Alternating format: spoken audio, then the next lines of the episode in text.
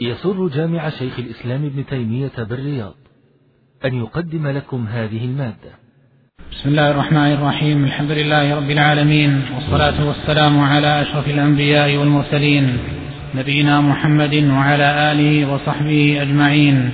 قال المصنف رحمه الله تعالى في باب الجماعة والإمامة حدثنا يعقوب بن إبراهيم الدورقي قال حدثني عبد الرحمن بن مهدي قال حدثنا عمران القطان عن قتادة عن أنس رضي الله عنه أن رسول الله صلى الله عليه وسلم استخلف ابن أم مكتوم على المدينة مرتين ولقد رأيته يوم القادسية ومعه راية سوداء. الحمد لله رب العالمين والصلاة والسلام بين محمد وعلى آله وأصحابه وأتباعه بإحسان إلى يوم الدين. قال الإمام الحافظ أبو محمد بن جارود رحمه الله تعالى حدثنا يعقوب إبراهيم وهو الدورقي يعقوب إبراهيم الدورقي وهو ثقة تقدم مرارا حدثني قال حدثني عبد الرحمن المهدي الإمام المشهور رحمه الله. قال حدثنا عمران القطان هو عمران بن, دو بن داور. القطان هذا فيه ضعف فيه ضعف عن قتادة وقتادة مدلس وهو مع أنه إمام لكنه معروف بالتدليس. قتادة بن دعامة. السدوسي أبو الخطاب البصري. عن أنس مالك عن أنس وهو مالك رضي الله عنه أن رسول الله صلى الله عليه وسلم استخلف ابن استخلف ابن ابن أم مكتوم ابن أم مكتوم على المدينة مرتين. ولقد رأيت يوم القادسي ومعه راية سوداء. هذا الحديث بهذا الإسناد فيه لين لكنه من باب الحسن لغيره لأن له شاهدا عن عائشة رضي الله عنها عند ابن حبان بإسناد صحيح أنه عليه الصلاة والسلام استخلف ابن أم مكتوم على المدينة يصلي بالناس. وهذا الإسناد كما تقدم صحيح ويكون هذا الطريق من باب الحسن لشاهده لشاهده فيتبين أن عمران آه، ضبط الخبر وأنه لم يهم وأن قتادة أيضا روى شيئا قد ثبت عن النبي عليه الصلاة والسلام من حديث عائشة. والمصنف رحمه الله سياقه لهذا الحديث مما يدل على علمه ومعرفته بالخلاف رحمه الله. وأشار بهذا إلى أن إمامة الأعمى لا بأس بها. خلافا لمن كرهها. وقال إن الأعمى قد يخفى عليه موضع النجاسة وقد يميل أو ما أشبه ذلك مما يعرض له. ويكون سبب الإخلال به عدم كونه أعمى. وهذا ضعيف لأنه داخل أولا في عموم الأدلة. الأدلة يؤم القوم أقرأهم لكتاب الله. ولو لم يكن في المسألة دليل لكان الحديث المتقدم حديث ابن مسعود وحديث عمرو بن سلمة الجرمي وكذلك حديث مالك بن حويرث وما جاء في معناه من الأحاديث التي دلت على أن التقدم والفضل يكون بالخصال الشرعية من كونه أقرأ أو بعد ذلك أعلم بالسنة أو أقدم هجرة أو أقدم سلما أو أو أكبر سنا تلك الخصال التقدم بها. والنبي عليه الصلاة والسلام لما بين هذه الخصال فهي حاصرة ولو كان أن أن هنا تقسيما آخر وأن هنا تفضيل إيه، آخر يفضل آه، على من كان بهذه الصفة. إذا كان فيه صفة خلقية من كونه أعمى أو غير ذلك فلما سكت عنها عليه الصلاة والسلام دل على أنها ليست من المرجحات ولا مما يتأخر يعني مما يتأخر بها صاحبها. وهذا الحديث مما يبين به يكون نصا يعني لكن العلماء عندهم الأخبار إما أن تكون عموم وإما أن تكون نص. فخبر أبي مسعود وما جاء في معناه عام. ودلالته واضحة وظاهرة. لكن لو ناجع إنسان وكره إمامة الأعمى فإننا نذكر له حديث ابن أم مكتوم أو استخلاف النبي عليه السلام لابن أم مكتوم في حديث عائشة وفي حديث أنس وهو نص في الموضوع أنه أم جعله يؤم الناس. وربما لو جادل مجادل لو قال إنه هو الموجود ولم يوجد غيره نقول كل هذا من التكلف ورد الأدلة بالرأي والنبي عليه الصلاة والسلام آه، قدمه آه، جعل له الولاية وقدمه على غيره عليه الصلاة والسلام وهذا لا يكون إلا بالميزات والصفات الشرعية. وهذا القول كما تقدم قاله بعض العلم بل إن بعض بل قال بعض العلم إن الأعمى أولى من البصير. لأنه أجمع لقلبه وأخشع آه، وذلك أنه آه، يعني لا يشغله شيء يبصره وهذا أيضا ضعيف هذا أيضا ضعيف. لو كان هذا المعنى مقصود مراد لقلنا إنه يشرع للإنسان المبصر أن يغمض عينيه ومع أننا نقول إن تغميض العينين على خلاف الأصل. خلاف الأصل إلا لأمر يعرض مع أن هذه المسألة مما وقع فيها خلاف. حديث النهي عن تغميض العينين في الصلاة حديث ضعيف والنبي عليه الصلاة والسلام لم يأتي ولم ينقل عنه أنه كان يغمض عينيه في الصلاة وربما عرض له في صلاة الشيء مما يذكره قال ذكرت الدنيا أو خفت أن تفتنني كما جاء في تلك الأنبجان في في ذلك. الذي فيه شيء من النقوش فقال اذهبوا بهذه إلى بجهم وأتوني بأنبجانيه ولم يغمض عينه عليه الصلاة ولم يأمر بذلك. فمن كان يعني فالإنسان إذا صلى فلا يتكلف بأن يغمض عينه بل يجتهد في جمع قلبه. ولو عرض له أمر بعد ذلك فالحمد لله لا شيء عليه. كما أنه لو أغمض عينه قد يعرض له بعض الهواجيس وبعض الأفكار وما أشبه ذلك. ومثل هذا لا يضره مما يرد عليه وذلك أنه حينما يجتهد فيرد عليه أمور لا يضره. وقال عليه الصلاة والسلام في حديث عثمان اللي في الصحيحين في الحديث الطويل في صفة الوضوء قال في آخره ثم صلى ركعتين لا يحدث فيهما نفسه إلا غفر له إلا غفر له لا يحدث فيهما نفسه. قال لا يحدث يعني يكون التحديث من غير أما إذا هجم عليه الخاطر أو ورد عليه الوارد بغير اختياره فهذا ليس من تحديد نفسه مما حدث مع أنه جاء في زيادة أخرى حديث من أمر الدنيا من أمر الدنيا. هذه رويت في بعض الكتب ذكرها بعضهم إما رواه ابن مبارك في الزهد أو ابن أبي الدنيا. والمعنى أنه آه، إذا شيء ورد عليه بغير اختياره فلا شيء. فالمقصود أنه لا بأس به بإمامة الأعمى كما دل عليه هذا الخبر وما جاء في معنى من حديث عائشة. نعم. بل ورد أيضا حديث آخر في صحيح البخاري أيضا حديث محمود بن ربيع في قصة عتبان بن مالك هو حديث معروف رواه البخاري وفيه قصة وفيه قصة وذلك أنه قال يا رسول الله آه، إني أنكرت بصري إني أنكرت بصري. فأريد أن تأتيني في بيتي فتصلي في مكان أتخذه مصلى. فجاء النبي عليه الصلاة والسلام ثم لما دعا قال أين تحب أن أصلي فأشار إليه إلى مكان في البيت فصلى عليه الصلاة والسلام. في لفظ عند البخاري عن محمود بن الربيع أن عتبان بن مالك كان يؤم قومه وهو أعمى.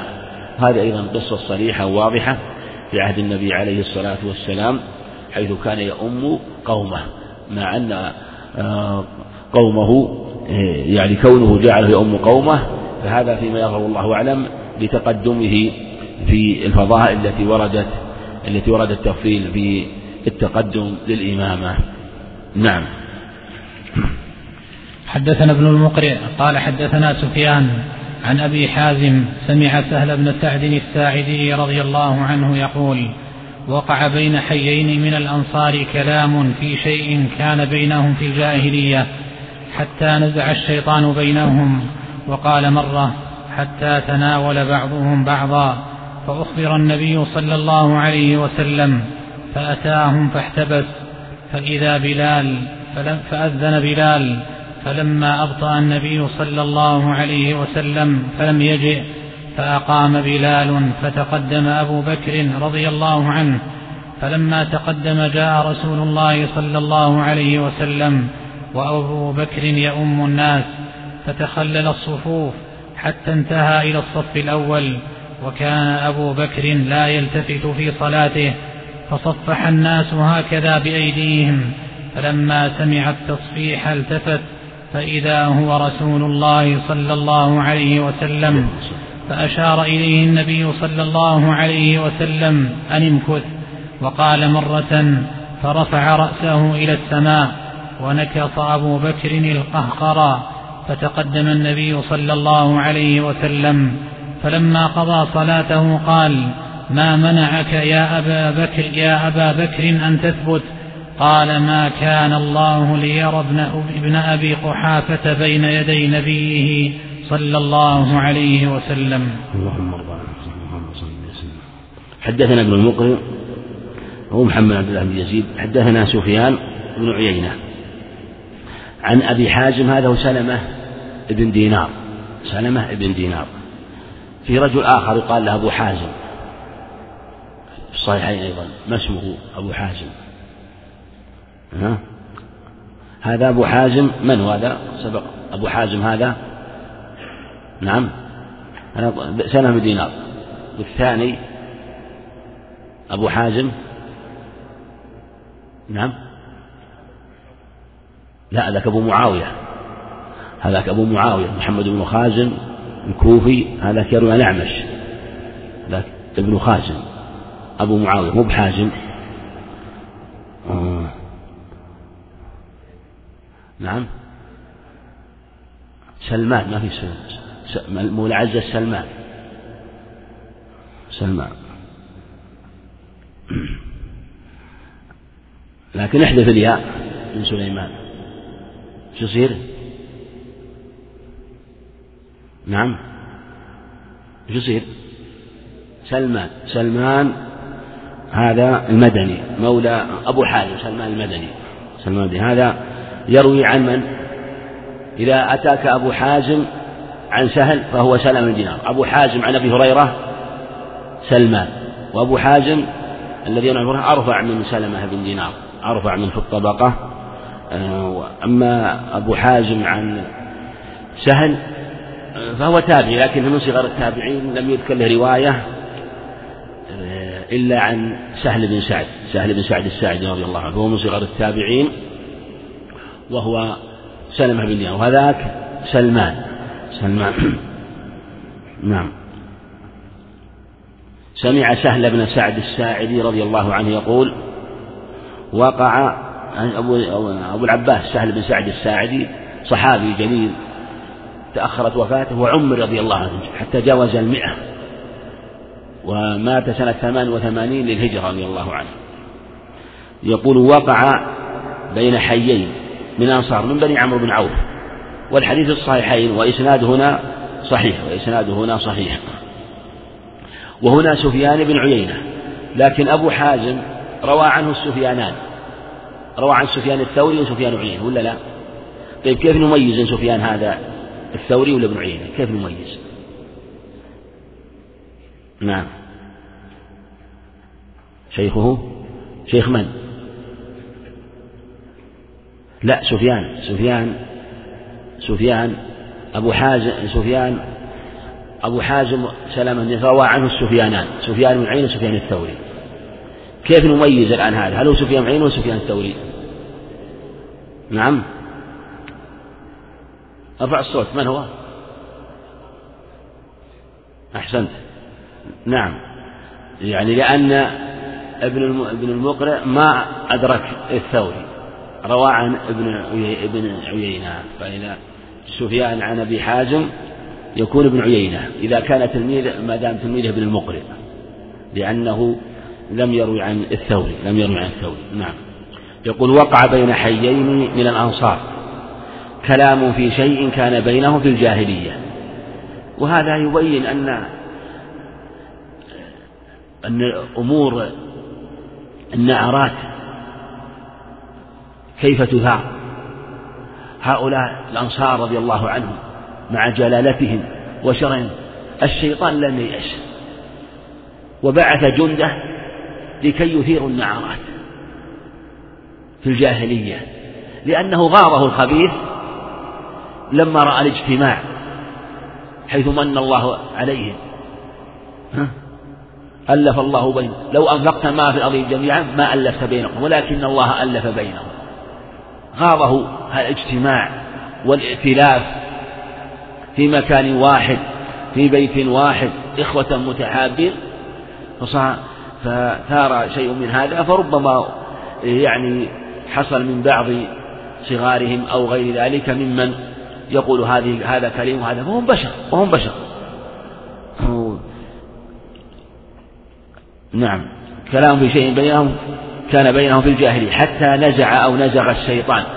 نزغ نزغ الشيء أي رمى وتطاول. نزغ الشيطان مثل حديث لا يشير أحدكم على أخيه بحديدة فينزع أو ينزغ الشيطان به أو بينهما فيقع في حفرة من النار. يعني فيرميه أو يدعوه إلى هذه الفعلة السيئة حتى نزع نزع أو نزع الشيطان بينهم. والشيطان بعيد من الخير قريب من الشر من شطن إما من شطن إذا بعد وإما من شاط إذا احترق. وهما اشتقاقان اشتمل عليهما. هو من شاط يشيط إذا احترق ومن شطن أيضا إذا بعد عن الخير.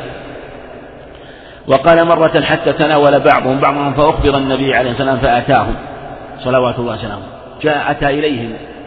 وهذا دليل على فضل الإصلاح. رسول الله عليه الصلاة والسلام مع ما هو مشغول به من أمور الأمة. ومع ذلك بادر إليهم في نحر الظهيرة في وهج الشمس بعد صلاة الظهر كما في رواية البخاري. ذهب إليهم عليه الصلاة والسلام. وفي في حديث أبي الدرداء عند أحمد الترمذي بإسناد صحيح ألا أدلكم نعم ألا أدلكم على أفضل درجة من الصوم والصلاة والصدقة.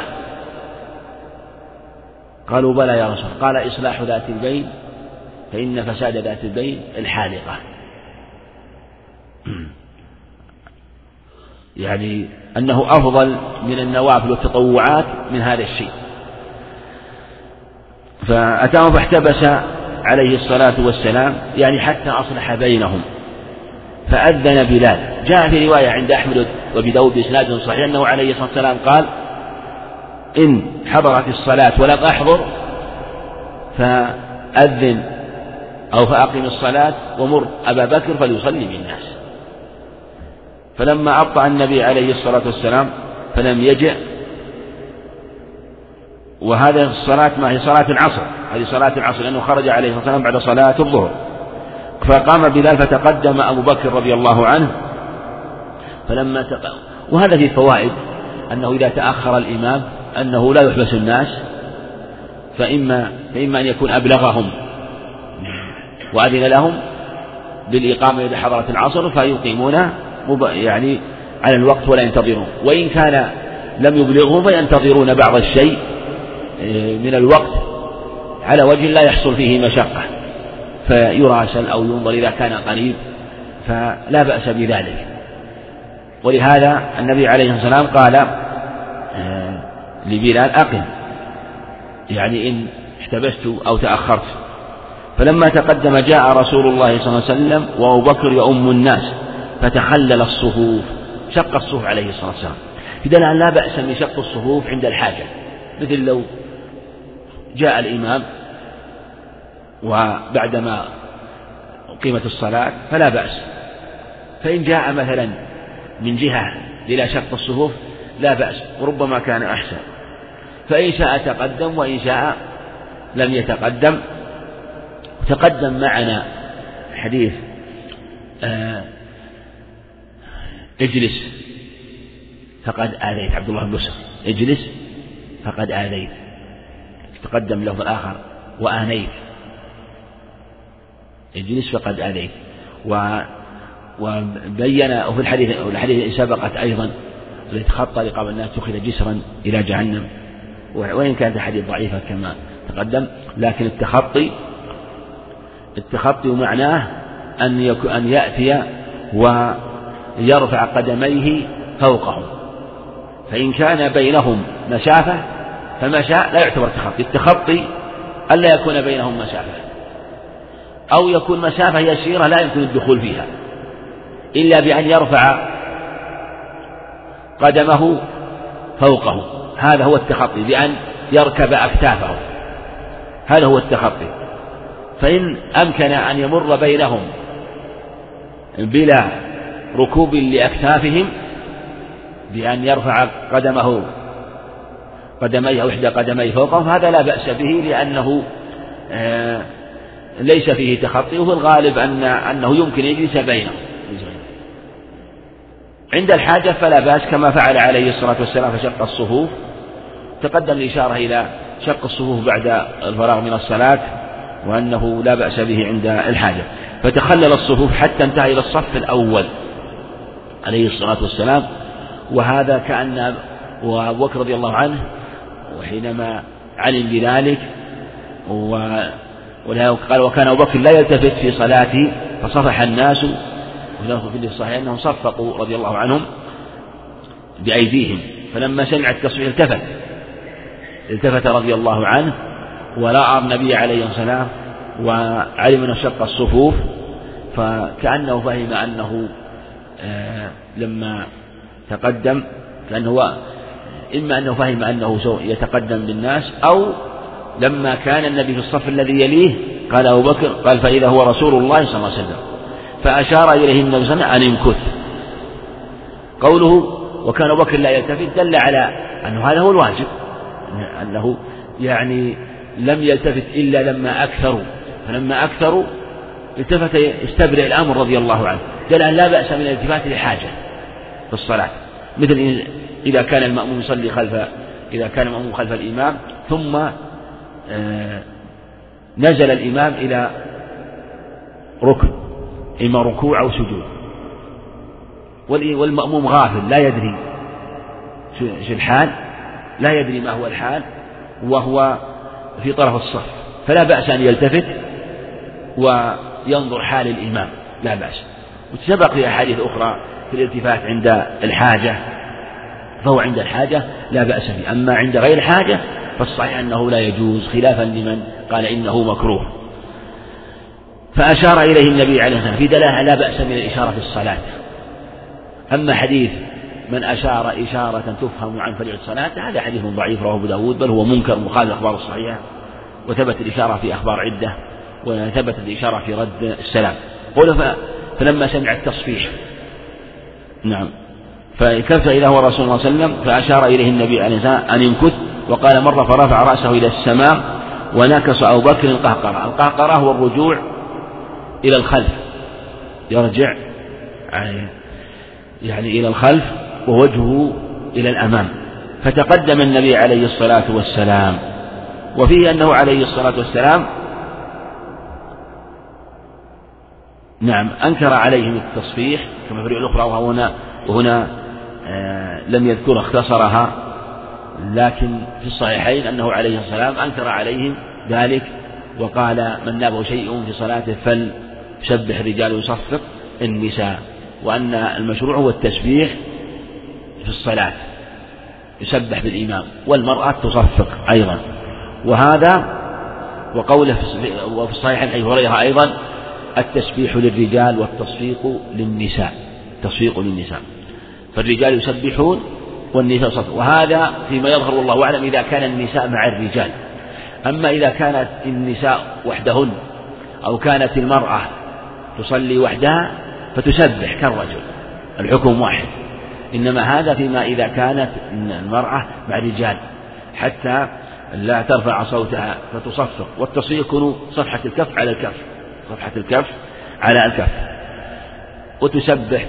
وهذا هو الصحيح. هو الصحيح وقد ثبت في صحيح البخاري من حديث عائشة رضي الله عنها أسماء دخلت على عائشة وكانت تصلي صلاة الكسوف صلاة النبي عليه الصلاة والسلام قالت ما شأن الناس؟ ما شأن الناس؟ فقالت عائشة سبحان الله سبحان الله. وأشارت إلى السماء. وهذا في عهد النبي عليه الصلاة والسلام. دل على أنه أيضا أن حكم النساء حكم الرجال في هذا. ولكن اغتفر التصفيق اغتفر التصفيق وجاز في هذا الموضع دفعا لمفسدة صوتها أمام عند الرجال فيها في في في مكان الصلاة. فلما زال هذا إذا كانت بين محارمها أو وعلى الصحيح أيضا إذا كانت بين محارمها حتى أيضا بين محارمها في بيتها أو كانت بين النساء فإنها تسبح. فتقدم النبي صلى الله عليه وسلم فلما قضى صلاته قال ما منعك يا بكر أن تثبت؟ قال ما كان الله ليرى ابن أبي قحافة بين يدي النبي عليه الصلاة والسلام. وهذا رضي من تواضعه رضي الله عنه. ثم لم يقل أبو بكر قال ابن أبي قحافة. ذكره باسم يعني بالنسبة لك المغمور لا يكاد يعرف به من باب التواضع من النفس رضي الله عنه. وفيه أن الأمر إذا كان على جهة الكرامة لا يعتبر مخالفه عاصيا. أن الأمر وهذا جعل بعض العلماء كالقاعدة أن الأمر إذا كان على جهة الكرامة لا يعتبر مخالفه عاصي. وذلك أنه عليه الصلاة والسلام أشار يثبت ومع ذلك رجع رضي الله عنه. وثبت في الصحيحين أنه رضي الله حمد الله ورفع يديه. حمد الله ورفع يديه رضي الله عنه ثم رجع القهقراء. وأخذ هذا من هذا بعض العلم أن ما يسمونه يمين الكرامة وأنه لا كفارة فيها خلافا للجمهور الذين فيها كفارة في من حلف على صاحبه أو صديقه بأن يجيب كرامته حلف له فلم يستجب له. فالجمهور على تجب الكفارة. ومن أهل العلم من قال لا كفارة باختيار تقي الدين. وعند أحمد بسند جيد أنه عليه الصلاة والسلام كان في بيته فجاءت امرأة بطبق إلى عائشة فطلبت أن تأكل فأبت فحلفت عليها أن تأكل فقال عليها بريها فإن الإثم على المحنث الإثم على المحنث يعني الذي أوقع صاحب الحنث فإذا كان الإثم على من أوقع صاحب الحنث وسكت النبي عليه الصلاة والسلام عن أيضا وهذا قد قد يكون يمكن يكون دليل المسألة. وسكت النبي عن عن الحالف وصفح عنه دل على أنه لا تبعة عليه ما دام أنه لا إثم عليه. وذلك أننا إذا قلنا إن الكفارة واجبة فالإثم لازم حتى يؤدي الكفارة. فلما قال إثم على المحنث دل على أنه يشرع لمن حلف عليه أن يبر صاحبه إلا إن كان عليه مشقة وضرر. لكن ينبغي أن ينتبه إلى أن هنا مسألة. أن تكون اليمين من باب الإكرام لا من باب الإلزام. بعض الناس ربما يبالغ في الحلف ويعلم أن صاحبه لا يستجيب. هذا عليه الكفارة وقد وقد يقع في الإثم من جهة أنه حلف ربما على يمين يعلم أن صاحبه لا يضر. لكن لو غلب على ظنه أن صاحبه يخجل أو استحيا منه فأراد أن يقطع حياءه بالحلف. هذا من تمام الإكرام. والنبي عليه الصلاة والسلام قال لأبي هريرة في البخاري اشرب فشرب قال اشرب فشرب قال اشرب فشرب ولم يحلف عليه الصلاة والسلام. وهذا هو السنة وهو الأولى. لكن إذا رأى أن أن يحلف فلا بأس. إذا احتاج إلى الحلف وقال أبو بكر أقسمت علي رضي الله عنه أقسمت عليك يا رسول الله تخبرني بما أخطأت. قال لا تقسم يا أبا هريرة. المقصود أنه آه، إذا كان على جهة الإكرام فكما تقدم آه، هذا يدل على أنه لا كفارة فيها. نعم. والحديث كما تقدم في الصحيحين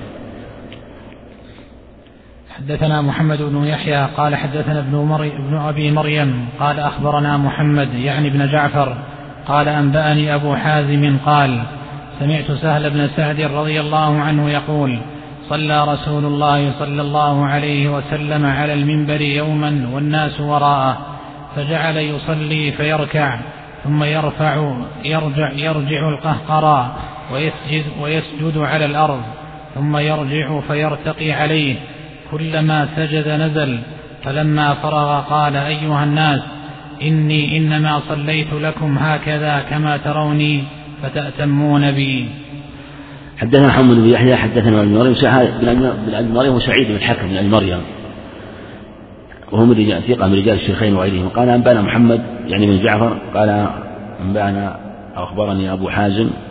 قال سمعت سهل بن سعد الساعد رضي الله عنه. يقول صلى رسول الله صلى الله عليه وسلم يوما على المنبر. يعني أنه ارتفع على المنبر. محتمل أنه صعد المنبر الدرجة الأولى وإن كان الظاهر والله أعلم قول صلى الله عليه وسلم يظهر والله أعلم أنه صعد على سطح المنبر. هذا هو الظاهر. خلافا لمن قال يمكن أن يكون صعد, على الدرجة الأولى. ومنبره عليه الصلاة والسلام ثلاث درجات. ثم سطح المنبر.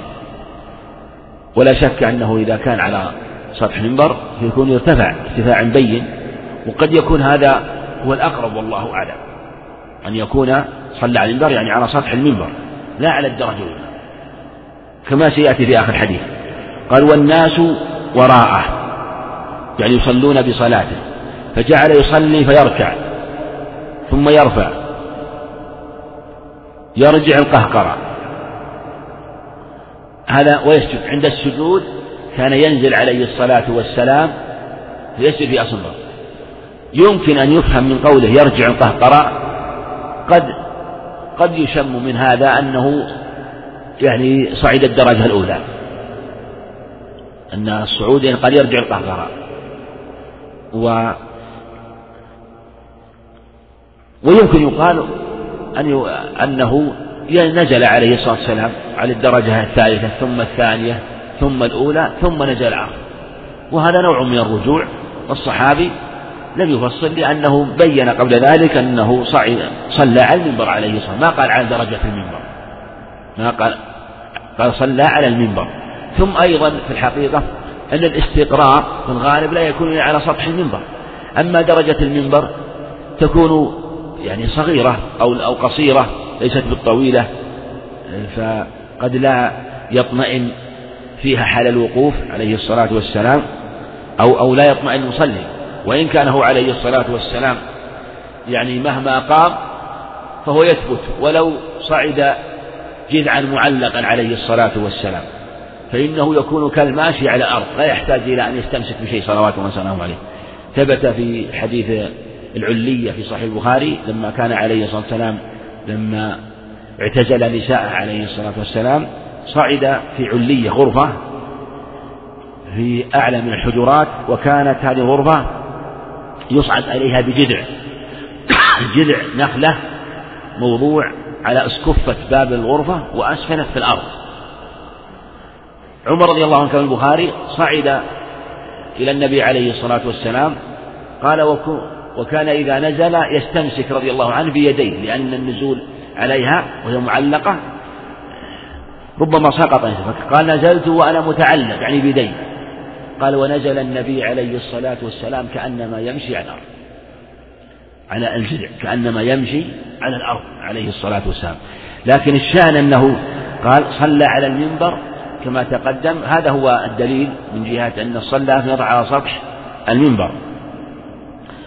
قال فجعل يصلي فيركع ثم يرفع يرجع القهقراء ويسجد على الأرض.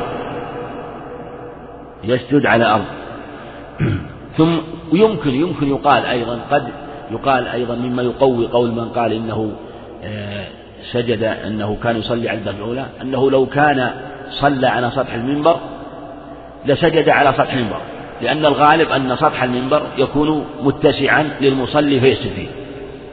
ويمكن يقال أنه كان لم يكن متسعا لسجوده آه، إنما يسع القائم عليه يسع القائم عليه وجلوس عليه حينما يجلس ويدلي رجليه عليه الصلاة والسلام إلى أسفل منه في الدرجة الأولى أو الدرجة الثالثة أو الدرجة الثانية. وهو على كل حال دال على ما جاء سيق الخبر له من جواز الارتفاع للمأموم. قال فلما ويسجد ثم يرجع فيرتقي عليه كلما سجد نزل فلما فرغ قال أيها الناس إنما صليت لكم هكذا كما, كما تروني فتتأمون بي. صحيحين؟ إنما صليت هكذا لتأتموا بي ولتعلموا صلاتي ولتعلموا صلاتي. هذا الحديث استدل به من قال يجوز ارتفاع الإمام على المأموم. وقالوا إنه عليه الصلاة والسلام صلى على مكان مرتفع بأصحابه ومن من قال يكره ذلك. ولا يصلي على مكان مرتفع. وقالوا إن صلاته هنا عليه الصلاة والسلام كانت لعلة.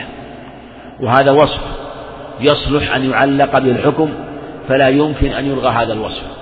وقد اشتمل عليه. وهذا هو الأقرب والله أعلم. من لأنه عليه الصلاة والسلام قال إنما صنعت هكذا لتأتموا بي ولتعلموا صلاتي. لأن قال صلوا كما رأيتموني يصلي فصلى وصعد على المنبر لأجل أن يراه المصلون جميعا. فلا تكون الرؤية للصف الأول. فارتفع حتى يراه من خلفه في حال قيامه في حال ركوع عليه الصلاة والسلام. أما أن نقول إنه جائز مطلقا ونلغي الوصف الذي جاء في الحديث هذا فيه نظر. وذلك أن سيرته وسنة مستقرة بل سنة مستقرة عليه السلام أنه كان يصلي على الأرض. فلا يقال إن هذا وهذا يستوي. وهذا هو هو الأقرب كما أن ارتفاع أيضا كما أنه ورد حديث في الموضوع نص فيه والمصنف ساقه في باب مستقل ولو أنه يعني محتمل أيضا أن هذا الباب يعني أن هذا الباب داخل فيه الحديث الذي قبله. يظهر أن الحديث حديث سالم سعد داخل في الباب الذي قبله لأنه في حكمه في الحقيقة. ويحتمل أنه خصه رحمه الله ليبين الحكم يبين الحكم وأفرد الحديث السابق لأنه فعله النبي عليه السلام لعلة. أما مع عدم العلة فلا ينبغي الإمام أن يرتفع على المأمون كما سيأتي. والحديث متفق عليه. نعم. لكن لا بأس أن يرتفع المأموم لحاجة ولو لم يكن لقصد التعليم لضيق المكان أو نحو ذلك وهذه معروف وهذه الأحكام معروفة. حينما ترد الحاجة ترتفع الكراهة. نعم. باب صلاة الإمام على دكان.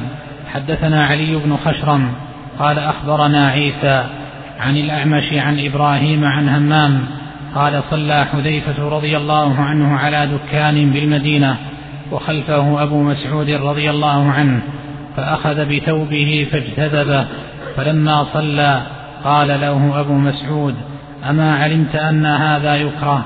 قال بلى ألا تراني قد ذكرته؟ نعم. حدثنا علي بن خشرم حدثنا عيسى عن الأعمش عيسى بن يونس عن الأعمش عن إبراهيم عن همام إبراهيم بن يزيد النخعي همام ابن منبه هذا عن قال صلى حذيفة رضي الله عنه على دكان دكان دكان هو المكان المرتفع أو الدكة بالمدينة وخلفه أبو مسعود أبو مسعود هو البدري عقبة بن عمرو مات قبل الأربعين رضي الله عنه في خلافة علي رضي الله عنه أو يعني في نعم في خلافة علي رضي الله عنه. فأخذ بثوبه فاجتذبه. فاجتذبه آه، أبو أبو مسعود. اجتذب حذيفة رضي الله عنه. حذيفة توفي سنة ست وثلاثين في أول خلافة آه، علي رضي الله عنه. فلما صلى قال له أبو مسعود عقبة بن عمرو رضي الله عنه أما علمت أن هذا يكره؟ قال بلى. ألا تراني قد ذكرته؟ يعني جاء في الأخرى ذكرت حين مددتني يعني جذبت ثوبي.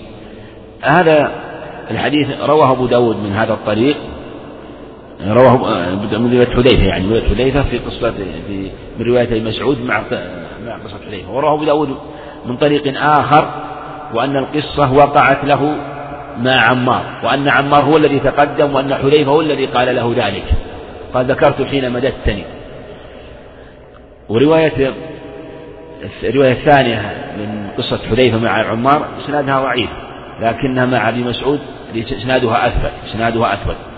وهذا الحديث كما تقدم بالرواية الأولى إسناده أجود رواية أبي مسعود رضي الله عنه يدل على أنه يكره أن يرتفع المأموم على الإمام على المأموم على المأمومين. ولهذا أنكر حذيفة أو مسعود على حذيفة بالفعل فرجع رضي الله عنه من ذلك الموضع ونزل وصلى بهم في موضع آه، مساوي الموضع الذي هم فيه. ولهذا نقول كما أن يكره أيضا ارتفاع الإمام فكذلك المأموم أيضا. حتى المأموم الأصل ما يرتفع إلا عند الحاجة فلا بأس. فلا بأس. فلو كان صلى الناس في الدور الثاني أو في السطح فلا بأس. وكراهية ارتفاع المأموم يعني أشد من كراهية ارتفاع الإمام أشد من كراهية ارتفاع المأموم. ارتفاع المأموم. وبالجملة هذا الحديث يدل على أنه يكره. لدلالة حديث أبي العباس بن سعد الساعدي وأنه لو فعل ذلك فالصلاة صحيحة وصلى على ما كان في الصلاة صحيحة. لكنها خلاف الأولى إلا عند الحاجة كما تقدم. نعم. حدثنا عبد الرحمن بن بشر قال حدثنا سفيان قال حدثني إسحاق بن عبد الله بن أبي طلحة عن عمه أنس بن مالك رضي الله عنه قال صليت أنا ويتيم خلف رسول الله صلى الله عليه وسلم وصلت أم سليم من ورائنا. نعم. حدثنا عبد الرحمن بن بشر هذا هو العبد النيسابوري ثقة رواه الشيخان. حدثنا سفيان هو بن عيينة. حدثني إسحاق بن عبد الله هذا هو ابن أبي طلحة وهو إمام رحمه الله إسحاق بن عبد الله بن طلحة وعبد الله أبوه عبد الله بن أبي طلحة قصته المعروفة المشهورة في الصحيحين أو في أحدهما في الصحيح الصحيح وفيه أنه آه، قصة أنس لما توفي لأبي طلحة ذلك الغلام لما آه، جاء وقال كيف هو؟ قالت هو أسكن ما يكون وكان صبي مريض وكان قد توفي.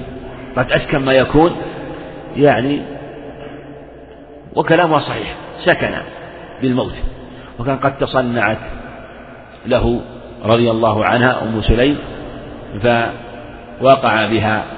ثم لما فرغ قالت يا أبا طلحة أرأيت لو أن قوما أعاروا قوما عارية؟ فطلبوها أيحق لهم أن يمتنعوا؟ قال وما يمنعهم أن يردوها؟ يعني أنهم يردونها. قالت فاحتسب ابنك. يعني أنه عارية. فغضب رضي الله عنه. قال تركتني حتى تلطخت ثم أخبرتني. فذهب إلى النبي عليه الصلاة والسلام فأخبره فقال بارك الله لكما في ليلتكما. فولدت فحملت. فلم تجد حملا أخف منه فولدت. غلاما فأتي به النبي عليه الصلاة والسلام فحنكه وسماه عبد الله. فولد له عشرة من الولد كلهم قد قرأ القرآن وتعلمه منهم إسحاق وإسماعيل ويعقوب وعمر كلهم أبناء عبد الله بن أبي طلحة أئمة لهم رواية رضي الله عنهم. عن عمه أنس بن مالك رضي الله عنه قال صليت أنا ويتيم خلف رسول الله يتيم ضميرة بن أبي ضميرة. محتمل أنه يتيم إخبار بأنه لا زال صغير ويحتمل أنه باعتبار ما كان عالم مثل محمد عبد الرحمن يتيم عروة. محمد عبد الرحمن يتيم عروة وإلا لحق علق به هذا اللقب وهو كبير. أنا ويتيم خلف رسول الله صلى الله عليه وسلم وصلت أم سليم من ورائنا. والحديث هذا في الصحيحين. الصحيحين وفيه فوائد أنه لا بأس من مصافة الصبي. وهذا إذا كان ضميرة يتيم. ويحتمل أيضا أن أنس كان لم يبلغ ويحتمل أنه قد بلغ. لأنه لما توفي النبي عليه الصلاة والسلام قد ناهز العشرين لما هاجر له عشر سنين وبقي في المدينة من عشر سنين عليه الصلاة والسلام فيحتمل هذا قبل بلوغه ويحتمل أنه بعد بلوغه. دلالة على صحة مصافة الصغير إذا عقل الصلاة وهذا هو الصحيح وأنه صف. وإذا كانت تصح إمامته وأنه يكون صف وحده إمام فمن باب أولى أن يكون مأموما. تقدم حديث عمرو بن سلمة إمام أما الناس. فمن باب أولى أن تصح مصافته وأن من صف معه لا يكون منفردا على الصحيح. أنا ويتيم خلف رسول الله صلى الله عليه وسلم. وهذا على الصحيح سواء كان في النفل أو في التطوع خلافا لمشهور مذهب أحمد رحمه الله داخل مذهب أحمد يقولون يجوز مصافة اليتيم في التطوع دون الفرض وهذا قول ضعيف قول ضعيف. في رواية عند أبي داود بإسناد صحيح وأنه وأنه صلى بهم عليه الصلاة والسلام تطوعا صلى بهم تطوعا.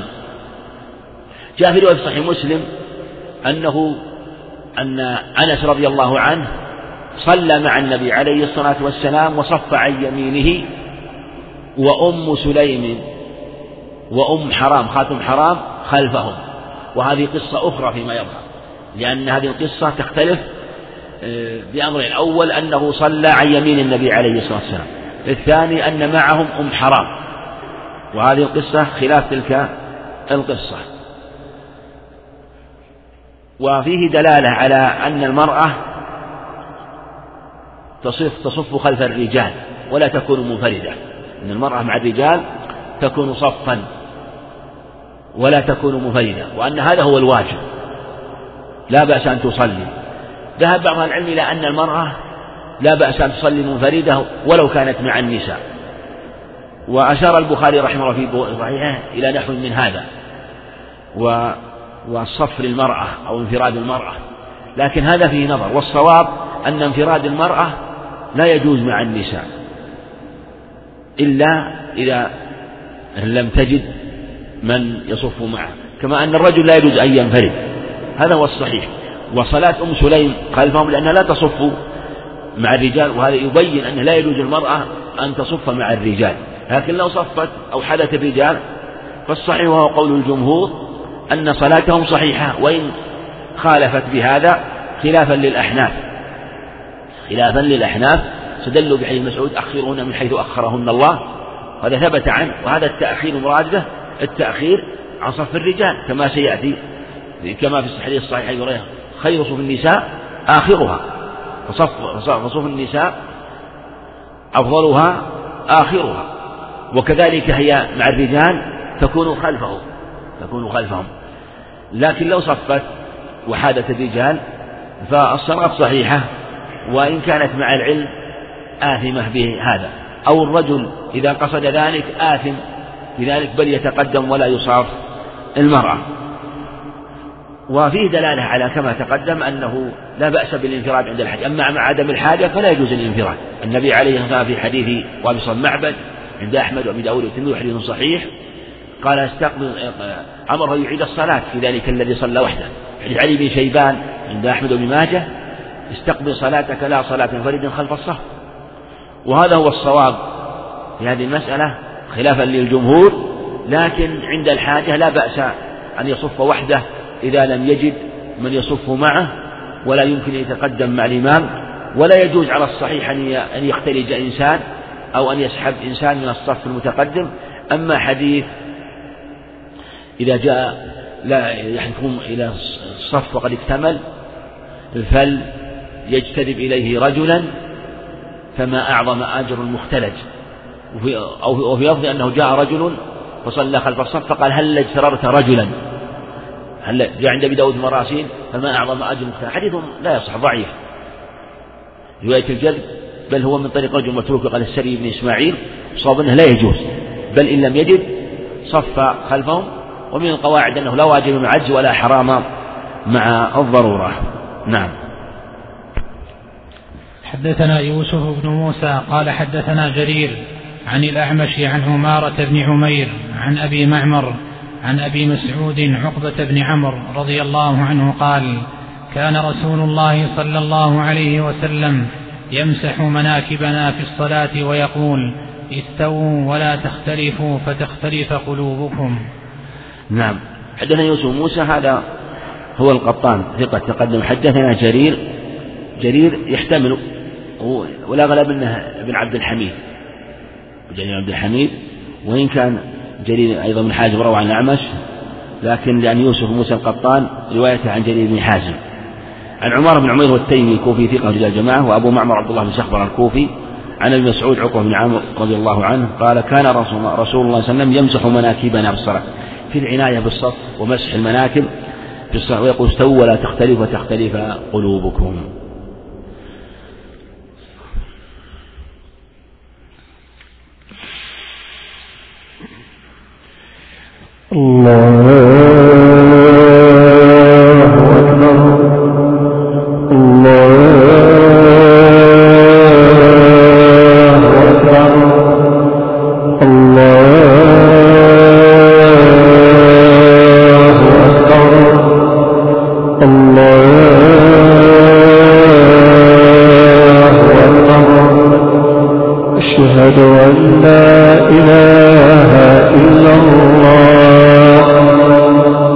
أشهد أن لا إله إلا الله. أشهد أن محمدا رسول الله. أشهد أن محمدا رسول الله. حي على الصلاة. حي على الصلاة. قال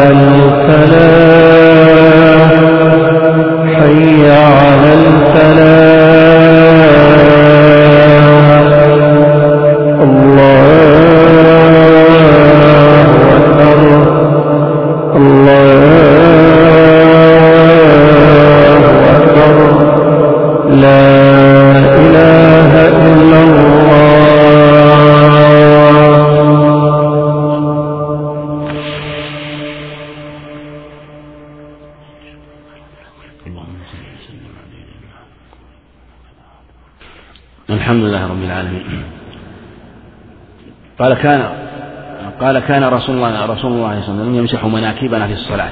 في دلالة على أن الواجب تسوية المناكب وأن التسوية تكون بتسوية المناكب والأكعب كما جاء في الأحاديث.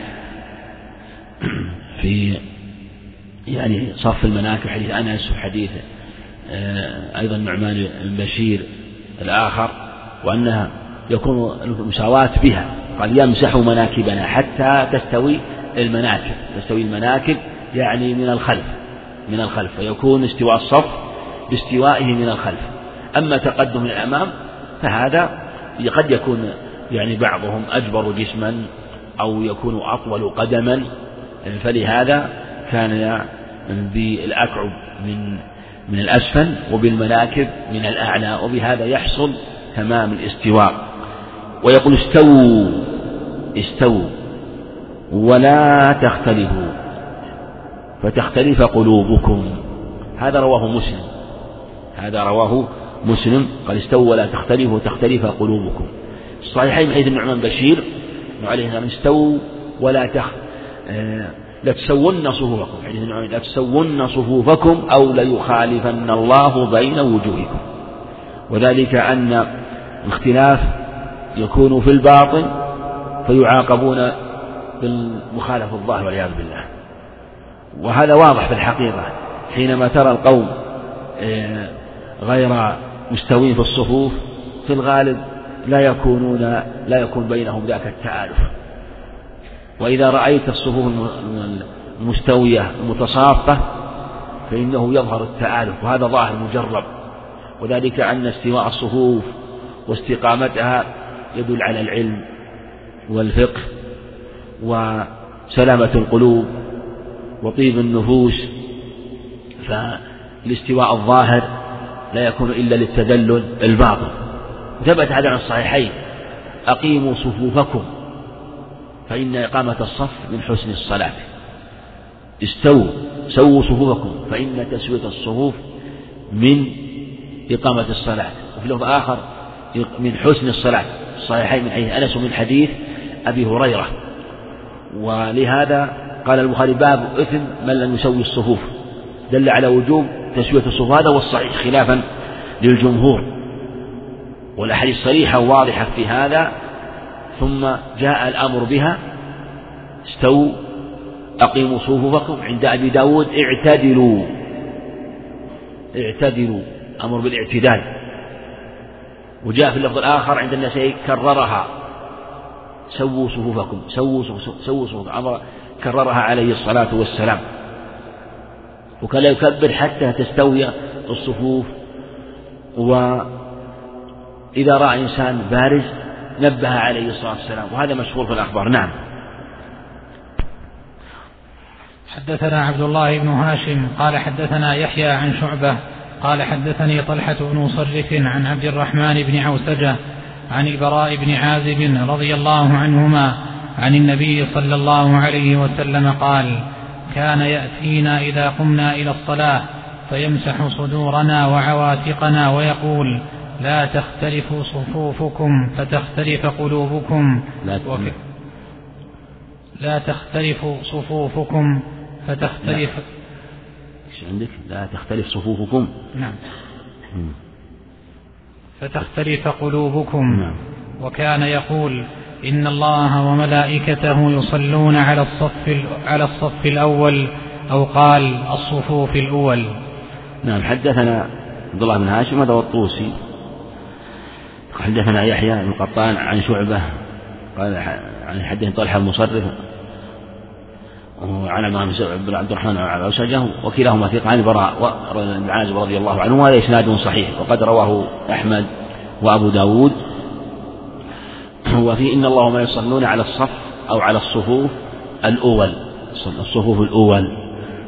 وجاء في حديث عائشة عند ابن داود إن الله يصلون على ميامن الصفوف ميامن من طريق أسامة بن زيد عن عثمان بن عروة عن أبيه عن عائشة رضي الله عنها. وجاء في الرواية الأخرى عند ابن خزيمة بن حبان والحاكم من رواية ابن وهب عن أسامة بن زيد إن الله يصلون على الذين يصلون الصفوف. وجاء أيضا من رواية سفيان الثوري عن هشام بن عروة عن أبي عن عائشة عند ابن حبان إن الله إن الله وملائكته يصلون على الذين يصلون الصفوف. وهذا هو الأصح. أما رواية على ما يصلون على ما الصفوف ضعيفة وقد اضطرب في أوسام بن زيد. والصواب في روايته أن إن الله وملائكته يصلون على الذين يصلون الصفوف يصلون الصفوف. أسامة بن زيد اضطرب فيه. تارة قال يصلون يصلون على الصفوف. تارة قال يصلون الصفوف. وروايته يصلون على الذين يصلون الصفوف أثبت وأصح. يعني رواه هكذا مرة ومرة هكذا. ورواية يصلون على الذين يصلون الصفوف جاء له متابع له أسامة زيد بلفظ يصلون يصلون الذين يصلون على الذين يصلون الصفوف وهذا أثبت. أما الصلاة الصلاة جاء على الصلاة مطلقا ليس على على الصفوف على الصفوف الأول مطلقا ليس على ما يم الصفوف. صحيح أن صلاة الملائكة تكون على الصف الأيمن والأيسر مطلقا. هذا قد رواه أحمد والنسائي بإسناد صحيح عن الأنصارية أنه عليه الصلاة والسلام كان يصلي على الصف الأول ثلاثا. صلاته عليه الصلاة والسلام أجل وأفضل من صلاة الملائكة. لكن في اللفظ الأول إن الله وملائكته. وما لكن صلاة النبي عليه الصلاة والسلام في صلاة الله سبحانه وتعالى. فعلى هذا إيه، يكون الصحيح أنه أن الصلاة تكون على الصف مطلقا الأيمن والأيسر. قال كان حديث حديث البراء بن عازب إيه، حديث عظام سارية إن كان يصلي على الصف الأول ثلاثا وعلى الثاني مرة وعلى الثاني مرة. عند ابن ماجه أيضا يستغفر على الصف للصف الأول ثلاثا وللثاني مرة. إنما الذي جاء في الميامن قال كنا إذا صلينا خلف النبي صلى الله عليه وسلم أحببنا أن نكون عن يمينه يلتفت إلينا. يلتفت إلينا. ولذلك الأيمن والأيسر قد يختلف لأن أحيانا قد يكون الأيسر القريب من الإمام أولى من الأيمن البعيد الأيمن البعيد. أما حديث من عمر ميسرة لما أنهم صاروا يحرصون على اليمين قال من عمر ميسرة المسجد فله كفلان من الأجر رواه ابن حديث ضعيف حديث ضعيف لا يثبت. وجاءت الأحاديث صريحة وواضحة في فضل الصفوف وفضل الصفوف الأول مطلقا ووصل الصفوف والبداءة في الصف الأول فالأول بداءة في الصف الأول. سيأتي حديث أبي هريرة في صفوف آه، الرجال. نعم. حدثنا عبد الله بن هاشم قال حدثنا يحيى عن ابن عن ابن عجلان قال أبي عن أبي هريرة رضي الله عنه عن النبي صلى الله عليه وسلم قال خير صفوف الرجال في الصلاة مقدموها وشرها مؤخرها ولعله قال وشر صفوف النساء في الصلاة مقدموها الشك من أبي محمد. نعم نعم نقف على هذا. والحديث سناد الصحيح تقدم عبد الله بن هاشم الطوسي يحيى بن سعيد بن عجلان ومحمد. قال أبي عن أبي هريرة أبوه عجلان المدني ثقة أيضا عن أبي هريرة رضي الله عنه عن النبي صلى الله عليه وسلم قال خير صفوف الرجال في الصلاة مقدمها وشرها مؤخرها. عند مسلم خير صفوف الرجال أولها وشر آخرها وخير شر صفوف النساء أولها وخيرها آخرها. هذا إذا كان النساء في مكان مع الرجال.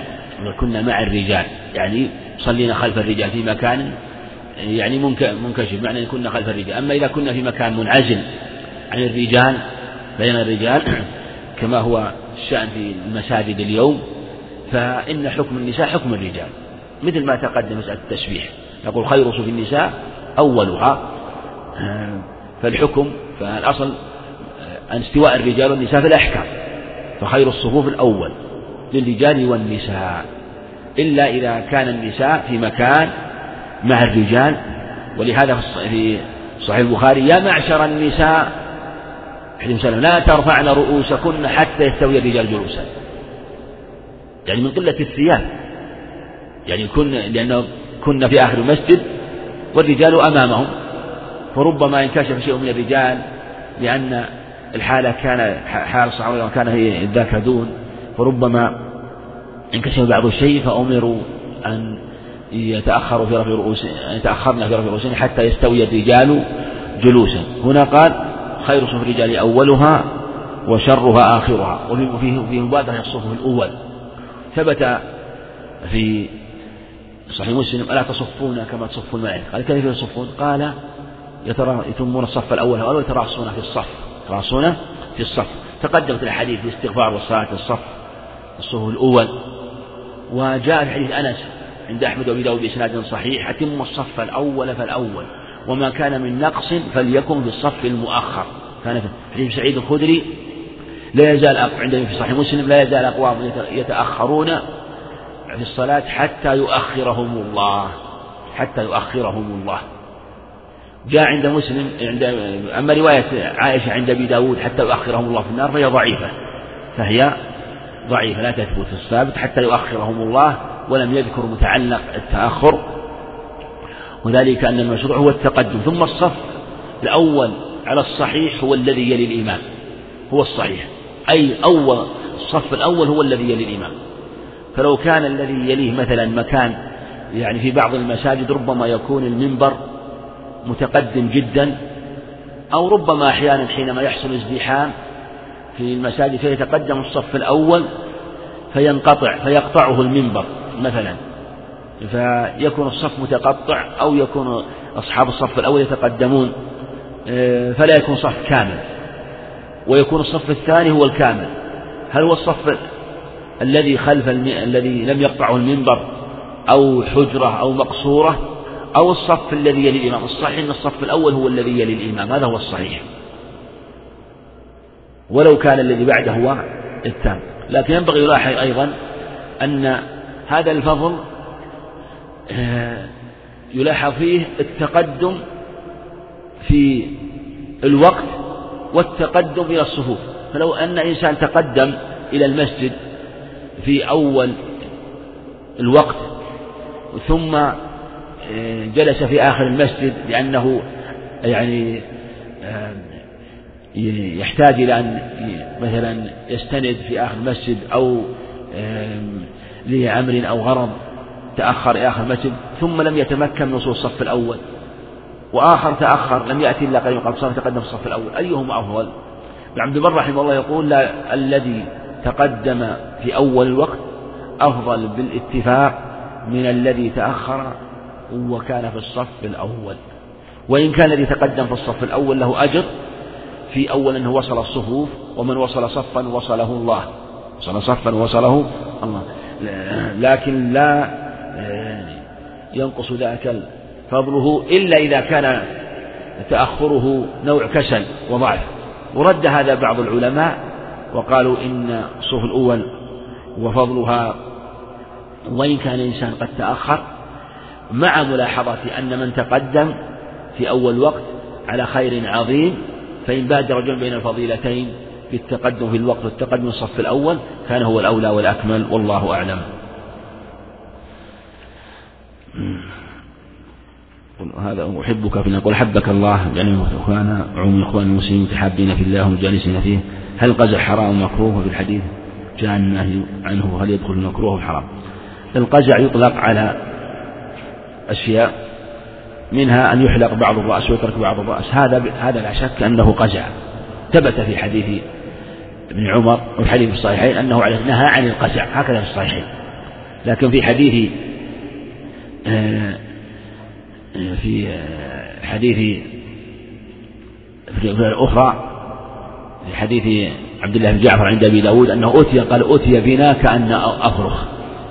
فأمر بها أن أن أن تحلق رؤوسهم أن تحلق رؤوس أولاد عبد الله جعفر.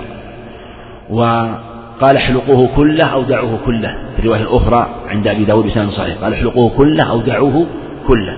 فالقزع على هذه الصفة لا يجوز والقزع أقسام إما أن يحلق المقدم ويترك المؤخر أو يحلق المؤخر ويترك المقدم أو يحلق الجوانب ويترك الوسط كما يفعل شمامسة النصارى أو يحلق الوسط ويترك الجوانب ولعل هذا هو فعل شمامسة النصارى أو يحلق ببعض المواضع وكثير من القصات التي تظهر اليوم فيها نوع من هذه الصفات وكل هذه لا تجوز.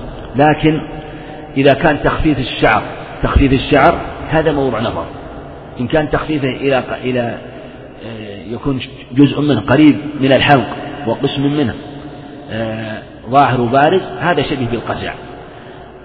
إلا إذا كان التخفيف فيه نوع تشبه وأن هذا القصة المأخوذة أو تقليد لفسقة أو كفار أو شعار لمغني أو شعار لإنسان آه، يعني ممن يكون جعله على هذه الصفة يكون قدوة سيئة هذا لا يجوز. أما إذا لم يكن شعار وكان التخفيف يسير هذا محتمل إلا إذا كان التخفيف كثير حتى يكون أشبه بالحلق والمقدم ظاهر فهذا أقرب إلى وصفه بالقزع قل حبك الله لحيوتنا فيه يعني في أخواننا المتحابين في الله وعليكم السلام ورحمة الله وبركاته. ما حكم جلسة الاستراحة؟ جلسة الاستراحة سنة هذا هو الأقرب حديث مالك حويد وحديث حميد صح فيها حديثان حديث مالك حويد البخاري وحديث حميد الساعدي عند أبي داود في عشرة من أصحاب النبي عليه الصلاة والسلام. ما ما حكم أداء تحية المسجد؟ الجمهور الأئمة الأربعة على أنها سنة والخلاف فيها والأدلة فيها معلومة لكن لا ينبغي التفريط فيها. وفي وقت النهي أيضا لا بأس أن تؤدى إلا إذا كان مضيق جدا لم يبقى إلا لحظات فينتظر حتى تغيب الشمس إذا كان غيبة الشمس أو ترتفع الشمس إذا كان قريب ارتفاعها. قل وحبك الله يحبنا فيه وجميع الإخوان المتحابين فيه. والسلام عليكم وعليكم السلام ورحمة الله وبركاته. ما حكم صلاة الحاجة؟ صلاة الحاجة حديثها ضعيف لا يثبت. صلاة التسبيح أيضا حديثها على الصحيح. لا, لا إسناد مقارب عند أبي داود. اختلف العلماء فيها على خمسة أقوال من صحيح إلى موضوع والصواب أنها أنها منكرة منكرة وإن أثبتها ابن مبارك وجماعة من أهل العلم. هل يشرع للمرأة أن تكون لها الولاية على الرجال؟ ولاية خاصة كمدرسة أو وزارة؟ لا كونها كمدرسة هذه ولايتها على المدرسة تكون مدرسة نسائية ولايتها على النساء. وكون المدرسة يكون فيها مثلا موظف مثلا أو خادم هذا من تمام إعانتها على ولايتها من تمام إعانتها على ولايتها. ولا يمكن أن تقوم مدرسة إلا بأن تكون الولاية لها. وكون يكون فيه بعض الموظفين هذا من تمام حفظ الولاية ومن تمام ضبطها. وما لا يتم الشيء إلا به فهو داخل في حكمه. ما هو القهقرة؟ القهقرة هو الرجوع إلى الخلف ووجهه إلى الأمام. وجد قارئان أحدهما أفقه والآخر يحفظ القراءات فأيهم يقدم. إذا آه، كان يعني كل منهما يعني يؤدي الصلاة الأداء المشروع ويحسن أداءها فيقدم الأقرأ. هذا هو الأقرب كما تقدم. يقدم الأقرأ. إذا اجتمعت نساء فيجب أن تصلي مع الجماعة ويجوز أن تصلي يكون على حدة. ليست واجبة الجماعة في حق النساء ليست واجبة لكن هل يسن أو لا يسن؟ فيه خلاف. حديث ورقة عند أبي داود أنه عليه السلام أمها أمرها أن تأمها وأهل دارها. هذا أيضا فيه دلالة للمسألة السابقة اللي سبقت في الولاية لأن مؤذن لأن مؤذنها رجل أعمى. رواه أبو داود وفي سنده بعض الضعف وجاء عن أم سلمة وعائشة أن أمة النساء وجوز بعض أهل العلم إمامة المرأة يعني يعني ينبه إلى مسألة يعني ضعيفة أو هي لا تصح في إمامة المرأة في التراويح للرجال وذكروا صفة أن تكون خلفهم لا عندهم. فالمقصود أن أنها إن اجتمعنا وصلينا فهو الأحسن والأولى فيما يظهر لما روي عن عائشة وعن أم سلمة لكن ليس بواجب. هل ثبت أن المكتوم استشهد في القادسية. ما أدري والله الآن ما أدري هو مثل ما جاء أنه رفع الراية في ذلك اليوم لكن يحتاج إلى التأكد من ترجمته. ما حكم القدمين والمصاحف؟ مد القدمين. والمصحف أمامه ولو لم يكن قصد ذلك ما حكم مصافة المرأة لزوجها أو أحد محارمها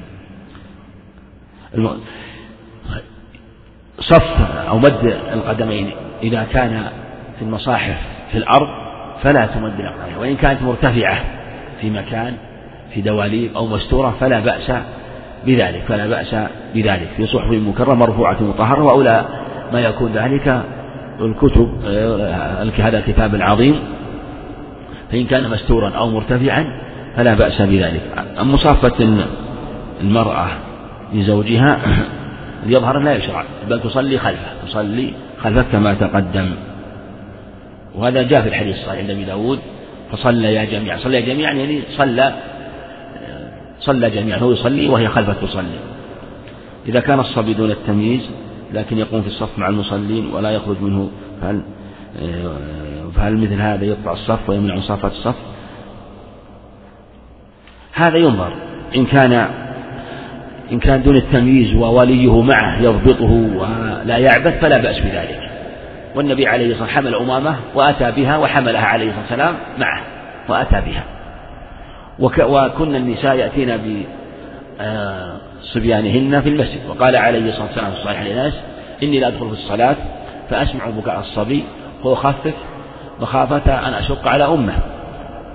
وهو في الصحيح الحديث أنس معناه أيضا. دل والظاهر أنه أن أن الصبي معها أن صبيها معه فإذا احتاج إلى الإتيان بالصبي أو احتاج الإتيان بالصبي أو أتى به ويدربه لكن يؤمن إيذاءه وإزعاجه للناس فلا بأس بذلك. لكن ينبغي لاحظ إذا كان أهل المسجد يكرهون ذلك فينبغي أيضا الأخذ بقول بقول في هذا ولا ينبغي أن يعني يشق عليهم أو أن يلزمهم بأمر هو يشغلهم يستطيع أن يعلمه في مكان آخر والله أعلم.